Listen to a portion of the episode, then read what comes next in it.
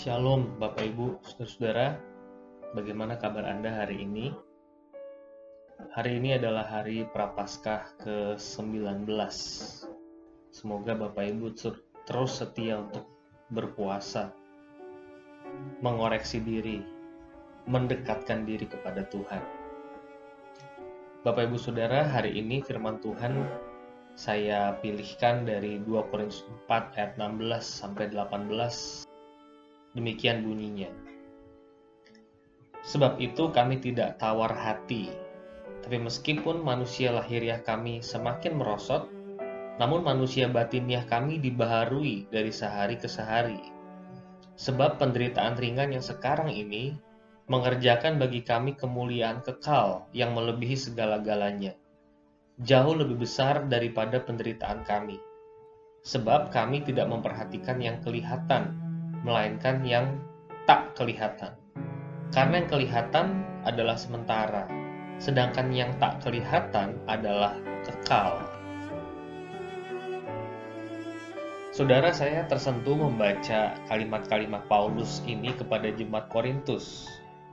Paulus tidak mengalami tawar hati, meskipun manusia lahiriahnya semakin merosot Saudara bisa membayangkan orang yang tua.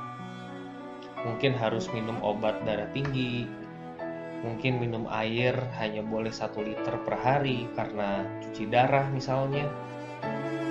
Mungkin sudah harus diurus oleh suster karena stroke yang dialami, dan lain sebagainya. Saya tidak tahu apa yang Paulus alami di dalam tubuh jasmaninya. Tapi saya menduga tanda-tanda penuaan sudah ada pada dirinya. Dia tidak down dengan hal itu. Sebab manusia batiniahnya dibaharui dari sehari ke sehari. Saudara, secara tubuh jasmani, dia makin rapuh. Tapi secara batin, dia makin muda, makin segar saya jadi ingat film The Curious Case of Benjamin Button. Walau tubuh fisiknya tua renta, sesungguhnya dia sangat muda, stamina-nya sangat prima. Namun waktu tubuh fisiknya sudah muda, sesungguhnya ia tua. Bapak Ibu Saudara, hari ini hari Prapaskah ke-19 sudah hampir separuh perjalanan 40 hari Prapaskah 2021. Bagaimana perasaan saudara memandang tubuh fisik saudara? Tiap tahun kita ulang tahun, kita happy. Iya dong, jelas dapat kado, makan lebih spesial.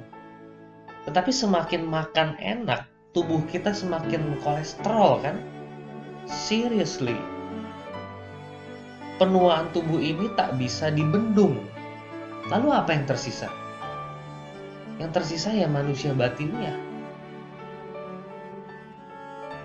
Saya ingat almarhum pendeta Eka Dara Putra. Kalau nggak salah 30 Juni tahun 2005 beliau meninggal. Itu hari pertama saya berangkat ke Surabaya sebelum ke Malang, Seminari Alkitab Asia Tenggara untuk studi S1 di surat terakhir yang ditulisnya, ia berdoa supaya biaya pengobatan tidak terlalu mahal. Dia kena kanker hati.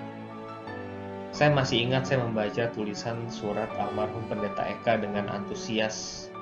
Sebab surat itu mengekspresikan semangatnya yang membara dalam melayani Tuhan.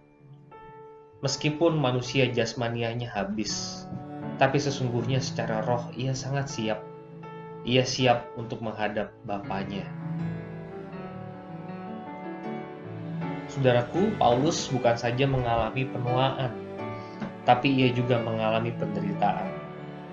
Sampailah ia pada kesimpulan bahwa ia tidak memperhatikan apa yang kelihatan, karena yang kelihatan sementara, yang tidak kelihatan itu yang kekal. Mari kita refleksikan Apakah semakin bertambah usia kita semakin dewasa di dalam Kristus? ketika tubuh ini berkurang kesehatannya, apakah batiniah kita justru semakin kokoh? Apakah kita memperhatikan kesehatan spiritual kita sebaik kita memperhatikan kesehatan jasmaniah kita? Tuhan Yesus, kuatkan manusia batinku sehingga aku menghargai apa yang harus dihargai. Di dalam nama Kristus Yesus, kami berdoa. Amin.